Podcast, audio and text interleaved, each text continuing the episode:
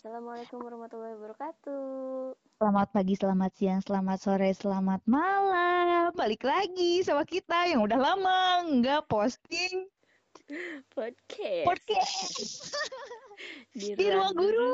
Gaco. Gaco. Untung ya kagak lupa kagak lupa opening sama tagline juga ya. Alhamdulillah ya satu tahun ini kita udah liburan. Iya dan tidak produktif ya untuk menghibur kalian semua. Semoga banyak ya yang kangen dengar celotehan-celotehan kita dengan topik-topik yang memang Nggak jelas. menginspirasi juga, gak jelas teteh. Iya hari ini kita mau ngomongin apa nih Cak? Kita mau ngomongin tentang keluh kesah seorang guru teh Wih. pastinya ya. Jadi kalau ya. kemarin-kemarin, Selalu. iya, kalau kemarin-kemarin kita mungkin banyak ngebahas tentang keluh kesahnya siswa itu seperti apa yang kita hadapi sekarang. Boleh dong sekarang kita curhat ya, Hmm, sekali-kali ya. Mm-mm, dengerin Jangan-jangan. gitu. Mm-mm. Jadi guru teh Nah. capek. Nah, capeknya kenapa teh? Kenapa ya? Kalau aku sih sekarang kan ngajar di swasta semua nih. Mm-mm. Yang bikin capek tuh tuntutannya mulai dari ngajar udah mah hybrid, Mm-mm. terus PAS masukin soal sendiri, meriksa sendiri, ngasih nilai sendiri, belum administrasi, apalagi ya. Pokoknya tuntutan dari yayasan tuh banyak weh yang bikin jangar, pusing, kepala tuh nyut nyut nyut tiap minggu tuh. Hmm, dan satu lagi biasanya kalau di yayasan itu menjelang akhir semester selalu ada kegiatan ya. Ya, Jadi betul. sudah pusing mengolah nilai buat raport, pusing juga, capek juga buat ngurusin acara ya. Iya, Habis itu pusing juga buat ngupload nilainya ya ke Betul. Iya gitu. bener, bener. Malah sampai ada kejadian yang di sekolah aku tuh eh, guru yang dia tuh merasa banyak tuntutan dari yayasan. Yang sampai akhirnya dia melupakan bahwa itu tuh tugasnya dia bukan tugas kita sebagai guru-guru honorer. Sampai ada updatean gini kenapa sih guru-guru guru-guru yang di luar sana tuh maunya diistimewakan terus? Itu padahal kan seperti yang kita tahu ya wah seperti yang kita tahu ya yang kita tahu ya guru Ah. honorer itu kan kerjanya di mana-mana nih kayak gurita ya nyabang gitu Iya. mana-mana dan ini dia tuh ngerasa kayak yang guru honorer tuh kenapa sih diistimewain kan dia juga bagian dari sekolah ini dan dia juga harus ada di sekolah ini gitu Hmm, mm. Mm-mm, aku sempet digituin sama guru di yayasan yang loh kan saya punya tanggung jawab di sekolah lain ya. Aku juga punya tanggung jawab di sekolah lain yang sama-sama menuntut aku untuk hadir gitu. Menuntut aku untuk ngajar di situ. Sedangkan dia yang eh, ya dengan enaknya bilang mau guru yayasan mau guru apa honorer ya datang ke sekolah mah datang tanggung jawab ke anak sama gitu. Ya, setidaknya ya, guru profesional itu pasti melayani anak mau ngajar di dua, tiga, bahkan satu sekolah itu pasti sama-sama aja ya sebagai guru yang profesional. Tapi sebagai guru yang dibayar secara unprofesional setengah harga ya, setengah harga kan honorer teh iya gurunya dibayar setengah harga kan. Kalau dibandingin sama guru tetap yayasan atau guru PNS gitu, kita itu dibayar setengah harga. Makanya kenapa eh, ngajarnya itu kayak gurita di mana-mana karena kurang. Gimana caranya supaya kita dapat penghasilan atau honor yang sama seperti guru tetap yayasan dan guru PNS? Eh ya jadi ngajar di sana sini gitu. Iya, dan ya dia tidak merasakan itu gitu karena dia sebagai Guru guru tetap tetap yayasan. yayasan itu. Dan dari situ tuh dia tuh kamu kalau nggak ngerti jadi guru honorer, jangan deh komentar gitu. Berusaha Mm-mm. untuk menghargai kita yang udah punya eh, kerjaan masing-masing, udah punya tanggung jawab masing-masing, ya kerjainlah apa yang ada di hadapannya dia jangan sampai tanggung jawabnya dia teh main lempar aja ke guru honorer Iya, betul, betul, betul. Jadi apa ya? Seolah-olah kayak kita tuh menghonor tuh karena kita butuh ya. Karena kita butuh, jadi kita tuh seolah-olah dieksploitasi gitu sama pihak sekolah. Lu kan butuh ya kerjaan dari gue. Harus mau dong kerja ini, kerja itu, kerja ini, kerja itu, kerja ini, kerja itu biar tetap kerja di yayasan ini. Nah, mungkin itu ya yang jadi uh, landasan kenapa uh, guru tetap yayasan atau bahkan pengurus yayasan itu seenaknya terhadap honorer. Bisa jadi. Ya nggak sih teh? Iya. Iya. Dah kalau kita bisa milih mah kita juga pengen jadi guru tetap yayasan, kita juga pengen jadi PNS, tapi dah gimana kemampuan yayasan belum bisa mengangkat pegawai tetap yayasan lagi dan wah ayah nama lo diangkat jadi PNS guru teh. Iya. Ya. Rek pet lulus peti luka wae rudet ribet gitu ta. Mm -mm. Kita kalau misalkan ngomongin P3K, P3K itu nggak cuma sekali tes langsung lulus, enggak. Mm -mm. Nggak ada kayak gitu ngomongin CPNS, CPNS aja tiga kali tes dulu baru bi bisa dibilang lulus.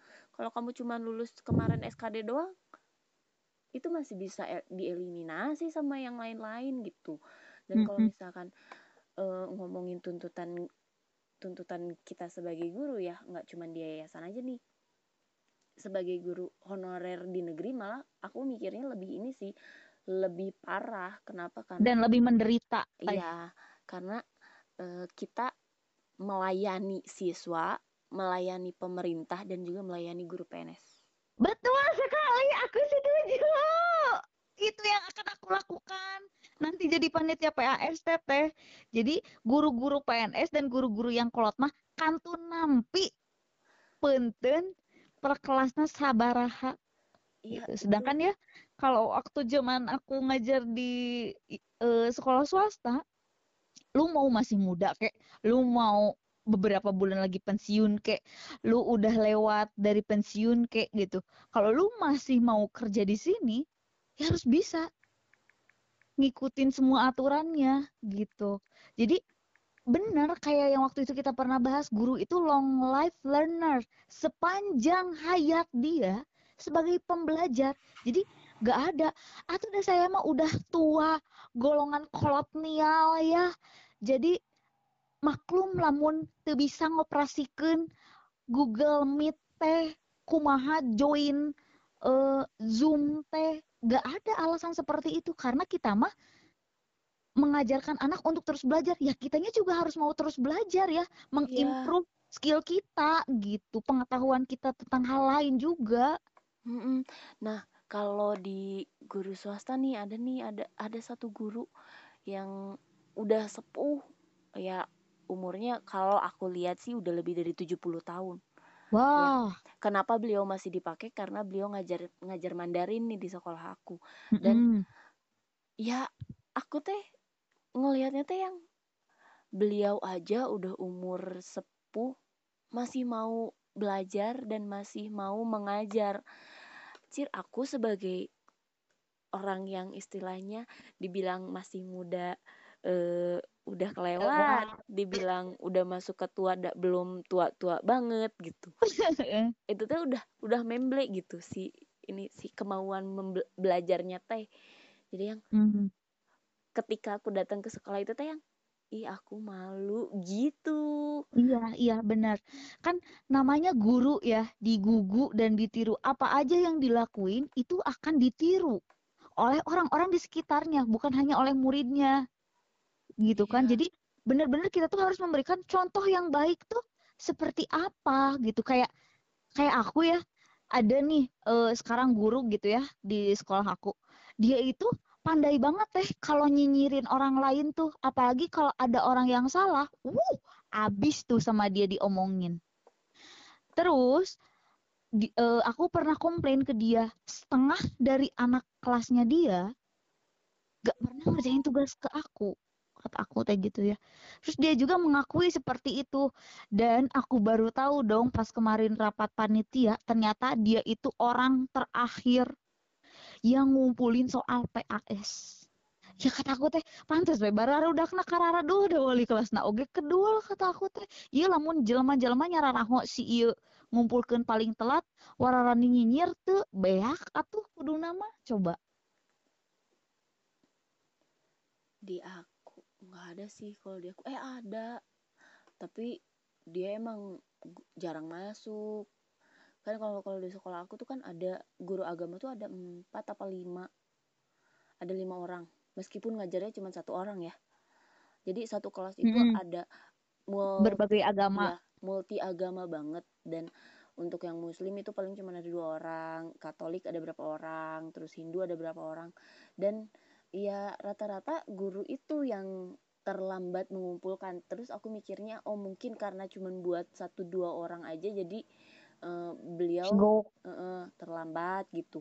Aku uh -uh. mikirnya karena kayak gitu mungkin uh, banyak tuntutan lagi di sekolah lain. Karena setahu aku yang guru agama itu bukan guru tetap yayasan.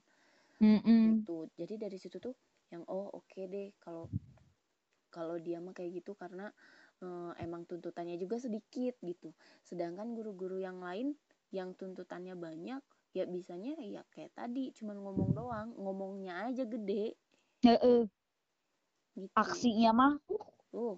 Nggak ada. Jempol dibalik -uh. gitu tak gitu. ya kayak kayak gitu apa ya jadi kalau orang kayaknya semua guru tuh jangan harus merasakan dulu deh jadi honorer itu seperti apa. Iya iya jadi bener. tahu perjuangan tahu loh perjuangan dan harus mengajar itu seperti apa gitu teh. Jadi kayak aku waktu waktu dulu di swasta tuh ya bukan swasta yang terbaik gitu di kota Bandung tapi ya lumayan lah.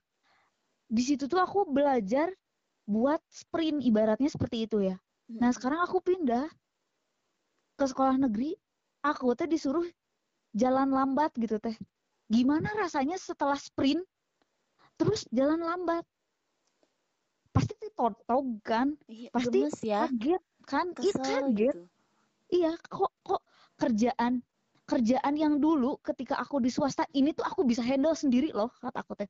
Aku bikin tiga tingkat soal aku ngupload tiga-tiganya aku jadi operatornya aku yang ngedownload soal uh, apa jawabannya dan lain-lain. Itu sama aku sendiri total 600 siswa gitu lah ini sekarang karena ada honorer yang bisa dibayar murah dan mereka itu uh, mungkin lebih cerdas dibanding generasi-generasi yang kolonial, semua itu yang harusnya ketika di swasta itu bisa sama satu orang, ini dibagi-bagi gitu teh.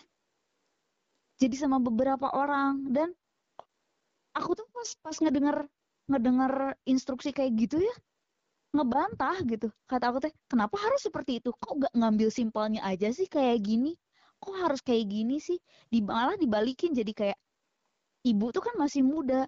Coba tempatkan diri ibu sebagai guru yang tua. Guru tua itu udah ribet sama hal-hal yang seperti ini. Ya, kata aku ya dalam hati, ya itu mah resiko? Suruh siapa pengen jadi guru? Suruh siapa jadi PNS yang pensiunnya sampai umur 60 tahun? Kalau lu emang udah nggak bisa ngikutin zaman ya udah pensiun dini aja gitu. Maksain banget sih. Harusnya sih kayak gitu. Makanya mungkin sekarang nggak ada tuh yang namanya ASN di tingkat guru tuh. Jadi kalau emang udah nggak bisa ngikutin zaman dan memang cara ngajar ngajarnya juga ya masih apa lampau gitu metode yang lampau ya udah nggak akan diperpanjang jadi ASN mungkin ada positif negatifnya juga ya dari kebijakan kenapa sih guru P3 uh, ASN P3K itu tiap lima tahun sekali dites lagi gitu. Tiap lima tahun sekali sebenarnya bukan tes sih cak, lebih ke pembaruan ilmunya dia masuk enggak gitu. Iya, ya gitu. Makanya tapi kadang-kadangnya suka kayak gini.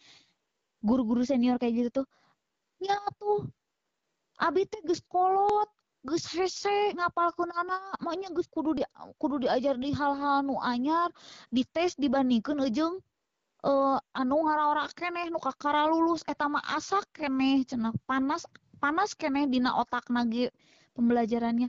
Ya jangan mengeluhnya seperti itu karena uh, peserta didik yang kita hadapi itu ya harus bisa apa ya hidup di masa kini dan yang akan datang gitu jadi nggak mungkin kita terus menerus ngajarin hal-hal yang sudah lampau-lampau terus yang ya. metodenya tuh gitu-gitu aja gitu ya nah, hmm. jadi ke si anaknya tuh nggak ada nggak ada ya.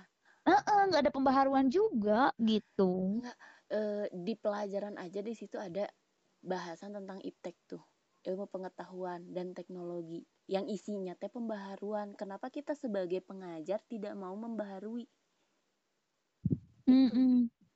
Itu, sih uh, kalau kalau aku lihat ya sebenarnya untuk kualitas guru memang lebih baik guru-guru yang di sekolah swasta.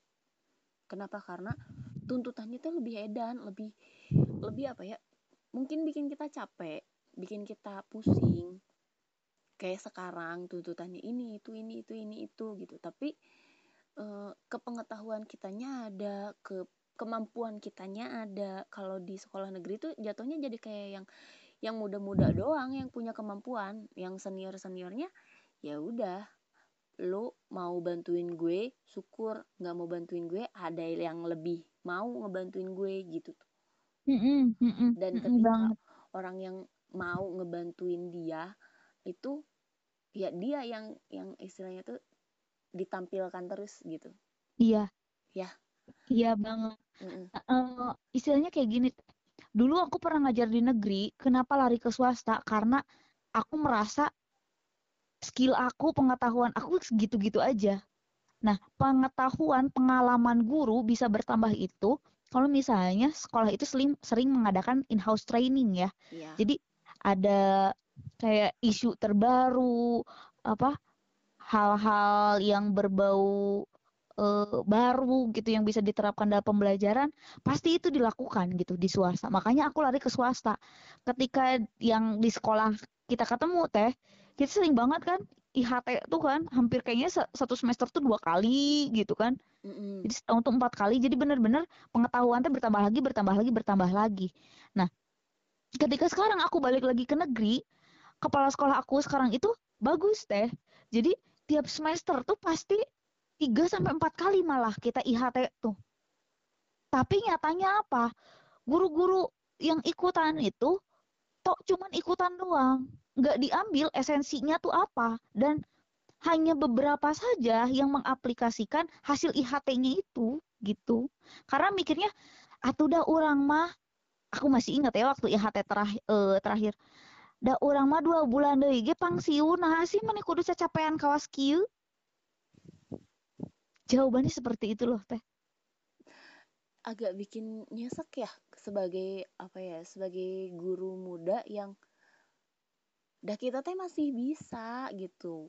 Sebagai manusia yang punya akal sampai akhir hayat nggak nggak akan mati gitu belajar cuma sehari justru itu malah makin kita tambah ilmu makin banyak atau yang nanti bakalan nolong kita di sana ya buat ngangkat mm -hmm. kita kalau kita amit-amitnya gitu masuk ke tempat yang tidak kita inginkan teh ada penolongnya kan dari ilmu mm -hmm. itu tapi kalau misalkan guru-guru guru-guru sekarang tuh lebih ke udahlah sama kamu aja gitu udahlah uh, sama yang muda aja kerjain. Yang tua-tua mah mau enaknya aja tapi giliran dapat duitnya paling depan. Mm -mm. bener banget tuh teh. Ya itu yang bikin aku uh, kenapa kemarin-kemarin tuh gemes. Giliran yang kayak gini aja yang muda-muda dimajuin. Giliran duit aja. Wih pada getol.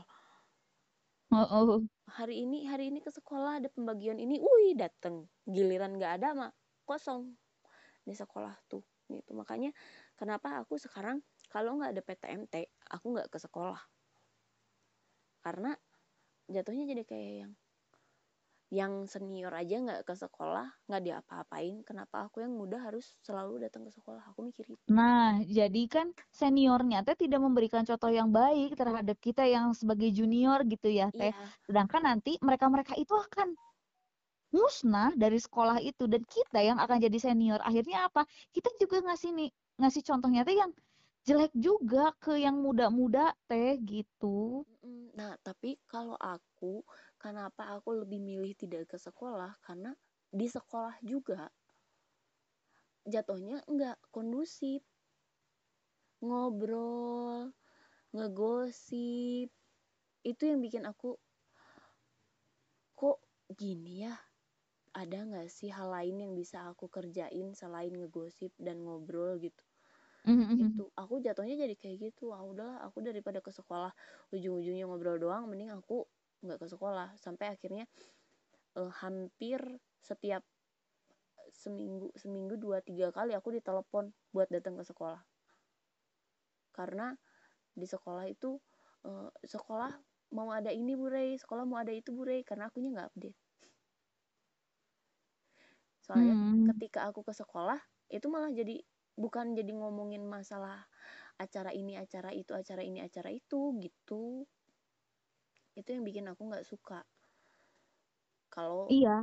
kerja apa ya ketika ya mungkin mereka mah datang tiap hari ke sekolah tadi ada memang sebuah tuntutan ya hmm. gitu hari hari kita mah ya sebagai honorer ya nggak punya tuntutan sunahnya. kayak gitu iya. Tapi emang jadinya kita nggak tahu apa-apa di sekolah tapi daripada kita ngegosip terus-terusan uh, nambah-nambah dosanya yeah. mending tongkat sekolah sekalian gitu kan mm -mm. nah aku aku pun sekarang kayak gitu teh jadi datang ngajar jam 7 balik jam 9 jam 9 tuh benar-benar udah balik gitu sampai ada guru yang ngeh kenapa ya sekarang mah Bu Raisa jarang di ruang guru ngapain di ruang guru tuh aku tuh jarang jarang ditanya dan aku bukan tipe orang yang uh, apa? Duluan ya. Suka suka duluan nanya gitu. Kalau nggak nggak ada urusan penting dan obrolan penting aku nggak akan mulai obrolan. Gitu. Oh iya sayangnya lagi sibuk banyak privatan sampai sampai aku bilang kayak gitu. Karena saking lu ngapain sih? gitu. Uh, datang dari pagi sampai sore tapi kok nggak ada skill yang baru gitu, yang dimiliki gitu. Lama-lama di sekolah teh. Makanya kalau ada kepanitiaan atau apa ya, aku mah udah nggak mau cari muka gitu. Uh, sok-sok bantuin atau apa. Kalau nggak ada SK-nya aku nggak akan bantu. Biarin aja toh yang PNS muda juga masih banyak. Maksimalin mereka gitu. Iya bener. Apa ya ngerasa ngerasa lebih ke kita lagi kita lagi kita lagi gitu. Hmm, tapi kalau di yayasan itu kita wajib kita apa memperlihatkan potensi kita tuh apa aja. Itu tuh buat uh, kans kalau kita bisa jadi guru tetap yayasan gitu teh. Cuman ya kita lihat lagi ya yayasannya bonafid apa enggak sih gitu buat ngangkat uh, guru tetap yayasan. Dan berapa sih honor guru tetap yayasan di sini gitu kan namanya kita ke yayasan harus berloyal ya, di mana siswa itu adalah customer. Iya. Berarti eh, apa yang kita punya eh, untuk disampaikan ke anak, ya harus maksimal gitu, supaya anak tuh benar-benar bisa ngerti dan paham gitu. Terus kitanya juga jadi belajar lagi yang baru gitu, gimana ya tekniknya, caranya supaya uh, gak monoton ngajar itu atau kayak gimana. Nah, kalau di negeri itu ya udahlah, kita udah masuk ke kelas tepat waktu aja, anak-anak tuh harusnya udah bersyukur. Mm -mm. Dan Karena banyak, guru senior masih, mah masih banyak lo yang kabar.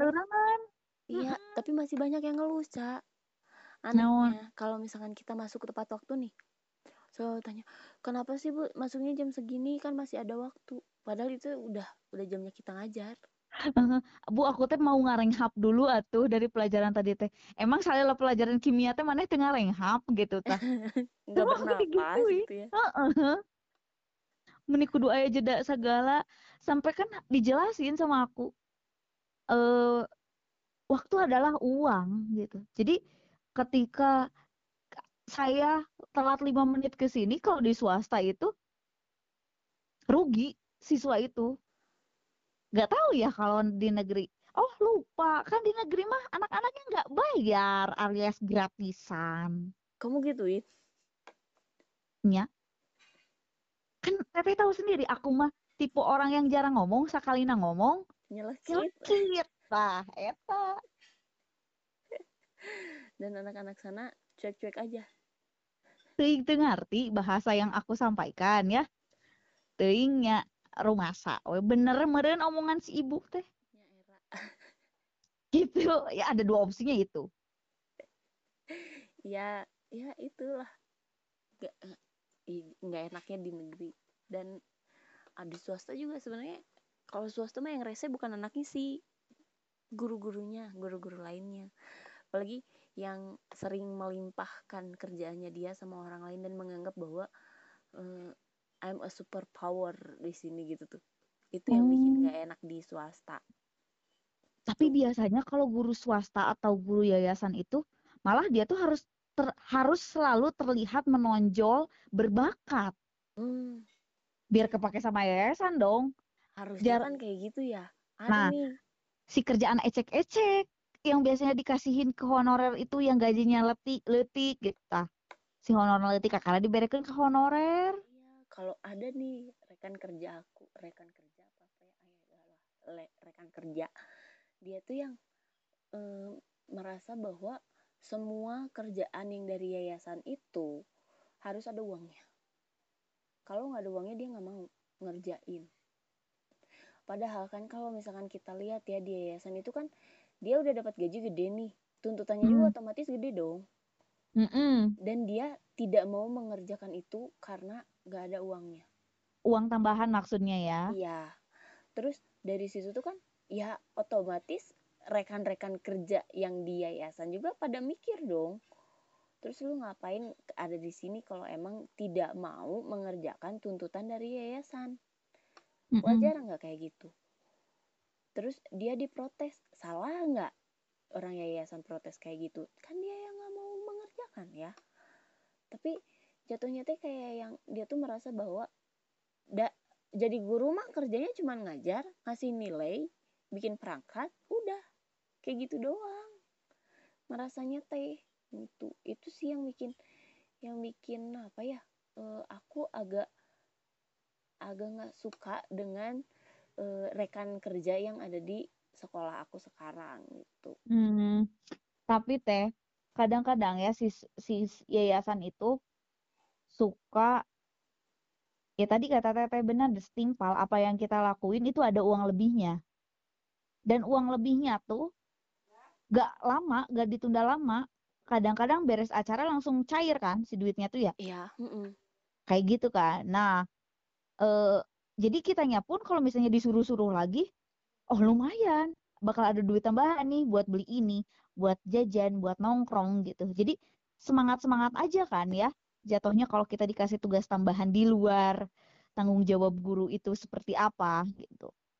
Nah kalau di sekolah aku kegiatan iraha duit cairna iraha. Jadi kan haroream gitu jadi panitia. Lagi bahkan aku sampai nanya kayak gini aku jadi pembimbing project sama jadi penguji teh ada duitnya nggak sih? Kapan ya cair duitnya sampai aku nanya gitu ke teman aku.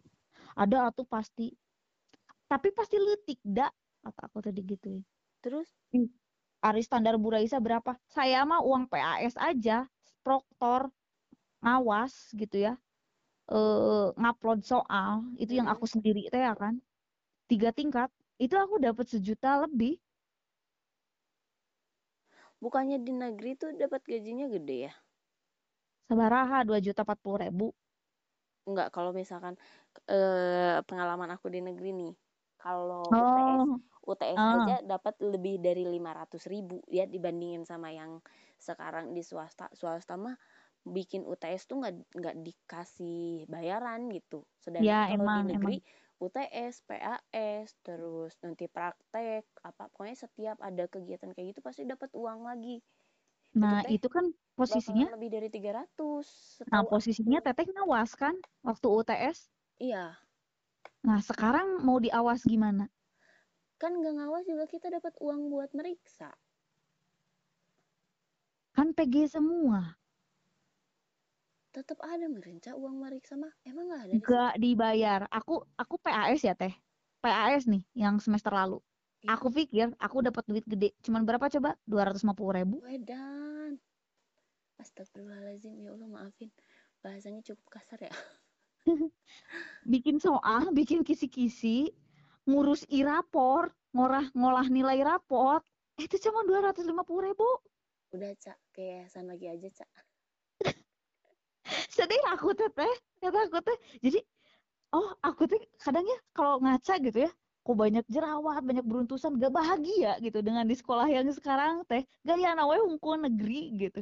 Makanya ketika kalau ada momen apa gitu ya disuruh pakai batik korpri aku pakai pakai baju hitam putih. Ditanya waktu itu juga Bu Raisa emang nggak baca pengumuman ya harus pakai batik korpri Bu saya mau honorer harus beda dong sama PNS terus? Terus kayak tadi ya ada acara apa? Pakai batik yang baru ya yang orange. Aku udah pakai kemarin. Aku pakai baju yang lain tadi ditanya. Kok nggak dipakai sih batik yang orange? Saya emang nggak biasa pakai baju yang dua kali pakai dalam seminggu. Kotor bu gitu. Ya kayaknya ya orang orang yang dapat jawaban dari aku teh nying polontong pisan sih honorer gitu tah. Kemudian mau jadi PNS sampai aku pernah ya negesin gitu di kelas aku tidak bercita-cita menjadi PNS kata aku tuh. Nggak apa-apa cak nggak usah jadi PNS capek. Nggak, aku mah nggak mau jadi PNS kenapa mau ngajarin negeri? Mah itu kudu capek PPDB euy. Kudu promosi ari swasta mahnya mm -mm. tak eta ya itu. Kalau terus ya swasta, ya udah udah terjamin lah 24 jam teh gitu.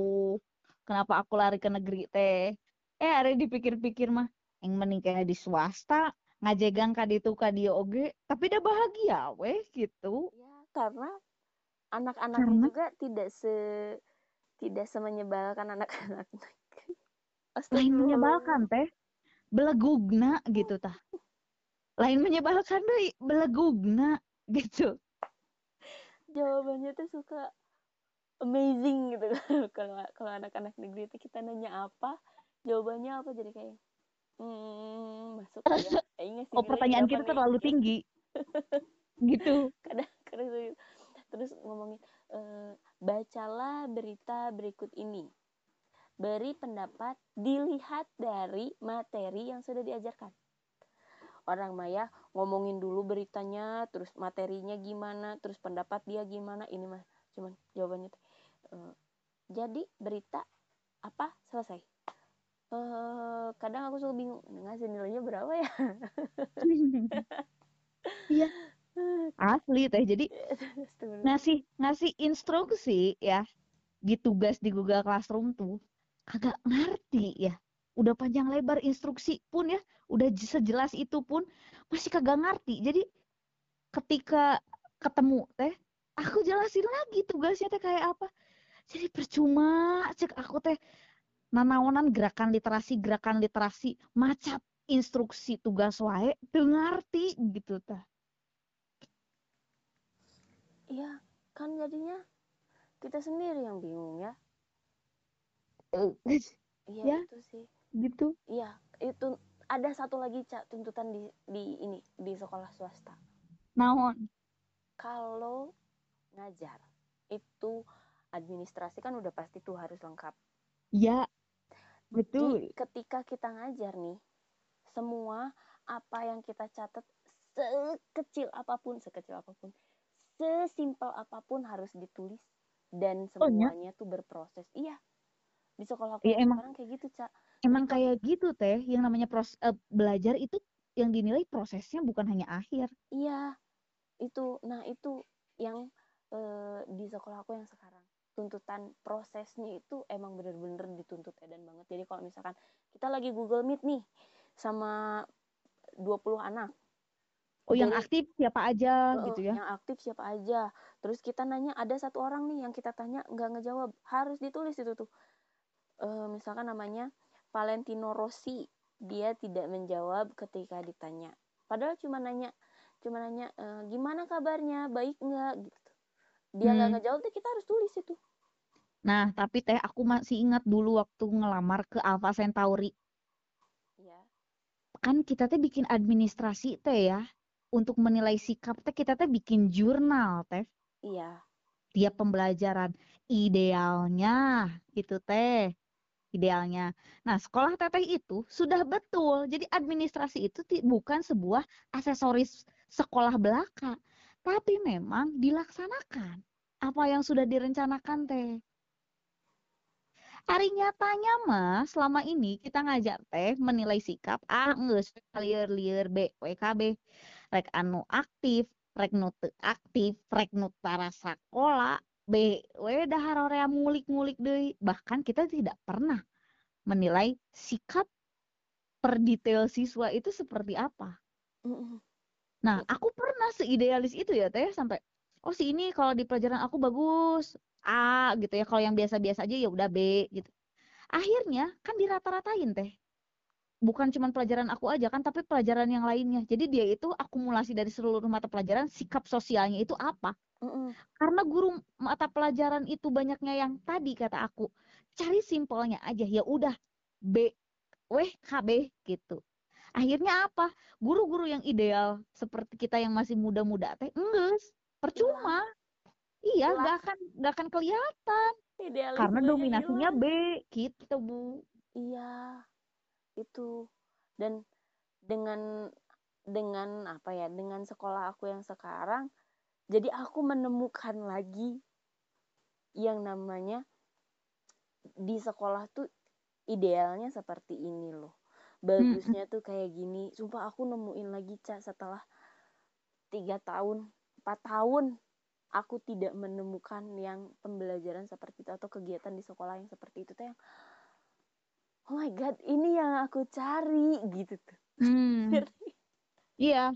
Memang memang harusnya eh memang mayoritas ya karena sekolah yayasan itu kan eh, apa sih yang dia jual kalau bukan program-programnya atau yeah. kualitas gurunya? Apa yang jadi unggulan gitu tiap sekolah yang yayasan tuh harus punya unggulannya gitu makanya jadi eh, kayak EN tuh di Mutiara Bunda di itu kalau bikin deskripsi sikap bukan A, B, C lagi. Tapi benar-benar berupa kalimat per orang di tiap kelas. Emang Ayan masih di Mutbun? Dulu waktu di Mutiara Bunda sampai kayak gitu. Nah, itu emang harusnya kayak gitu kan. Kalau jadi guru tuh. Nah, tapi apa? Sesuai dengan gaji yang diterima. Iya. Mutiara gitu. Bunda gajinya gede. Iyalah, bayar SPP Nawai gede. Makanya next episode kita bahas pendidikan itu tidak boleh ada yang gratis. Ya, setuju tuh Kita lanjut minggu depan. ya, jadi buat kalian yang banyak banget nih kayaknya murid-murid aku ya udah udah pada lulus-lulus banyak gitu yang SPD SPD kamu pikir lagi ketika kamu tidak bisa menjadi orang yang ideal, Lis, hmm. lu ngajar di negeri aja. Iya benar-benar. Tapi kalau kamu bisa idealis gitu, apa yang udah kamu pelajari selama empat tahun kemarin uh, kuliah gitu, kamu bisa terapkan, kamu bisa mengikuti apa ritme yang cepat gitu untuk perubahan-perubahan perubahan-perubahan selanjutnya, kamu cocok jadi guru tetap yayasan karena guru tetap yayasan tuntutannya lebih banyak daripada se uh, guru di negeri. sekolah negeri gitu. Iya, sekarang lagi banyak kan tuh di di IG di IG aku tuh berseliweran tulisan yang uh, apa sih? Happy semprotulation apa semprotulation tuh? Lah baru anak, juga anak-anak yang baru yang baru pada lulus tuh semprotulation hmm. Waalaikumsalam. Yuk ke semprotulation tuh. Banyak tuh anak-anak yang sekarang kayak gitu. Itulah calon-calon SPD yang nantinya mengajar udah kita lanjut minggu depan. Eh tapi nggak tahu juga sih yang pada lulus teh bisa ngajar atau enggak. Karena aku dapat info dari beberapa murid aku yang lulus dari jurusan aku gitu ya. Mm -hmm. itu mereka pada susah dapat kerjaan. Malah jadi ngajar di SD karena SD kan banyak guru yang pensiun. Nah guru guru. Guru SD negeri yang banyak pensiun itu. Oh. Karena kan guru guru SD di negeri tuh yang pada diangkat zaman Pak Soeharto geningan teh. Oh iya iya iya. Jadi jadi yang PNS nanti tinggal hiji dua sesana ya butuh guru baru lah dan asal aya we heula biasa Iya. kan di negeri seperti itu ya. Iya iya. Tak ada rotan akar pun jadi Jadi. teh iya itu Gitu. Ya jadi kita berlanjut di minggu depan. Tetap standby tetap stay tune di Spotify. Dan jangan lupa buat eh, likes ya si podcastnya Ruang Guru Gacor. Pokoknya kita akan mengudara dan mengoceh hal-hal tentang pendidikan tiap hari lagi. Sabtu sore. Ya. Lagi jangan lupa laginya setelah libur satu tahun ya pasti lebih menarik lagi lagi topik-topik yang dibahasnya. Insya Allah semoga Allah ya. bisa lebih banyak lagi ilmu yang bisa kita keluarin Mm-mm, amin. amin ya udah deh sampai jumpa minggu depan assalamualaikum warahmatullahi wabarakatuh Love you. Mm.